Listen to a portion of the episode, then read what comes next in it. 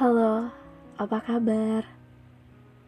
Semoga terus membaik dari luka dan selalu bertahan ya bahagianya. Tapi yang terpenting, kamu baik-baik selalu dengan dirimu sendiri.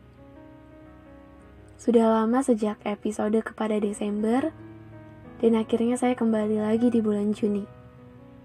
Bukan karena Juni spesial bagi saya, tapi saya kembali karena saat nggak sengaja, beberapa waktu saya membuka direct message Instagram, ada satu pendengar saya yang mencari saya.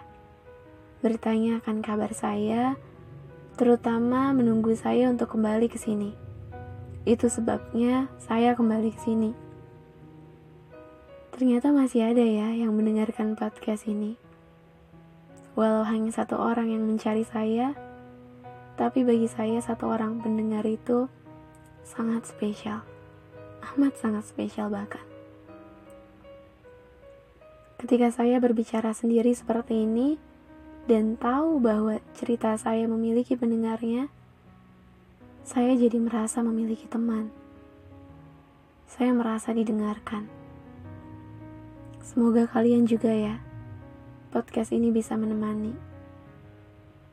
Dan banyak-banyak terima kasih untuk kalian yang masih mendengarkan podcast ini dan menganggap podcast ini sebagai teman kalian. Berbicara tentang bulan Juni, saya selalu teringat pada puisinya Pak Sapardi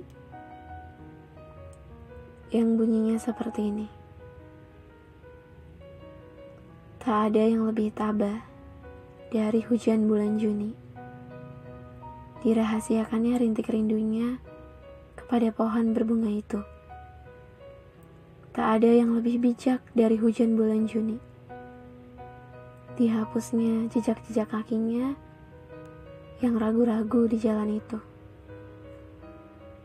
Tak ada yang lebih arif dari hujan bulan Juni. Dibiarkannya yang tak terucapkan, diserap akar pohon bunga itu. Itu tadi beberapa bait puisi.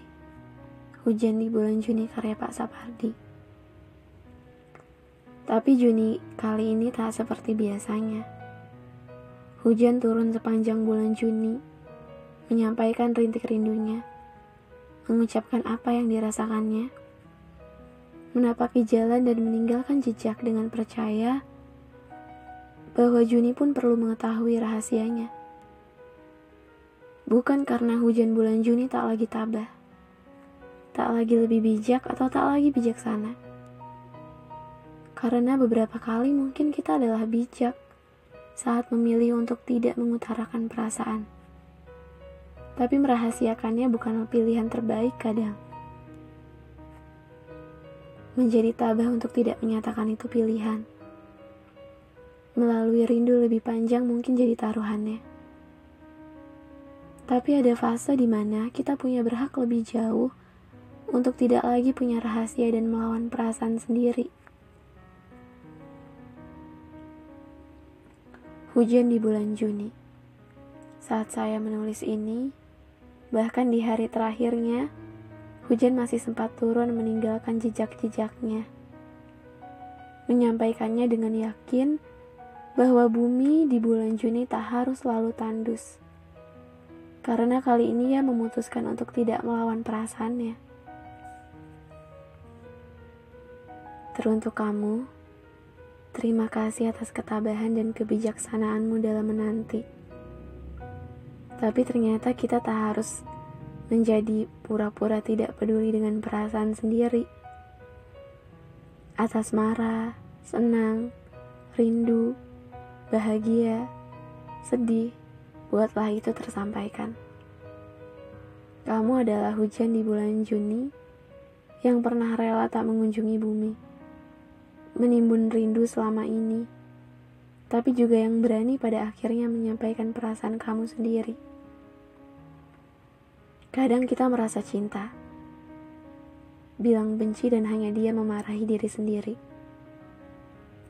Kadang kita merasa marah, bilang baik-baik saja, dan hanya tersenyum pahit sendiri.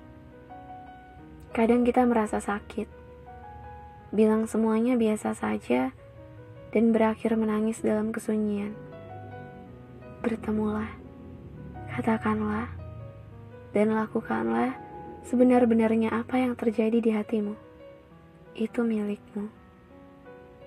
Jadilah seperti hujan di bulan Juni.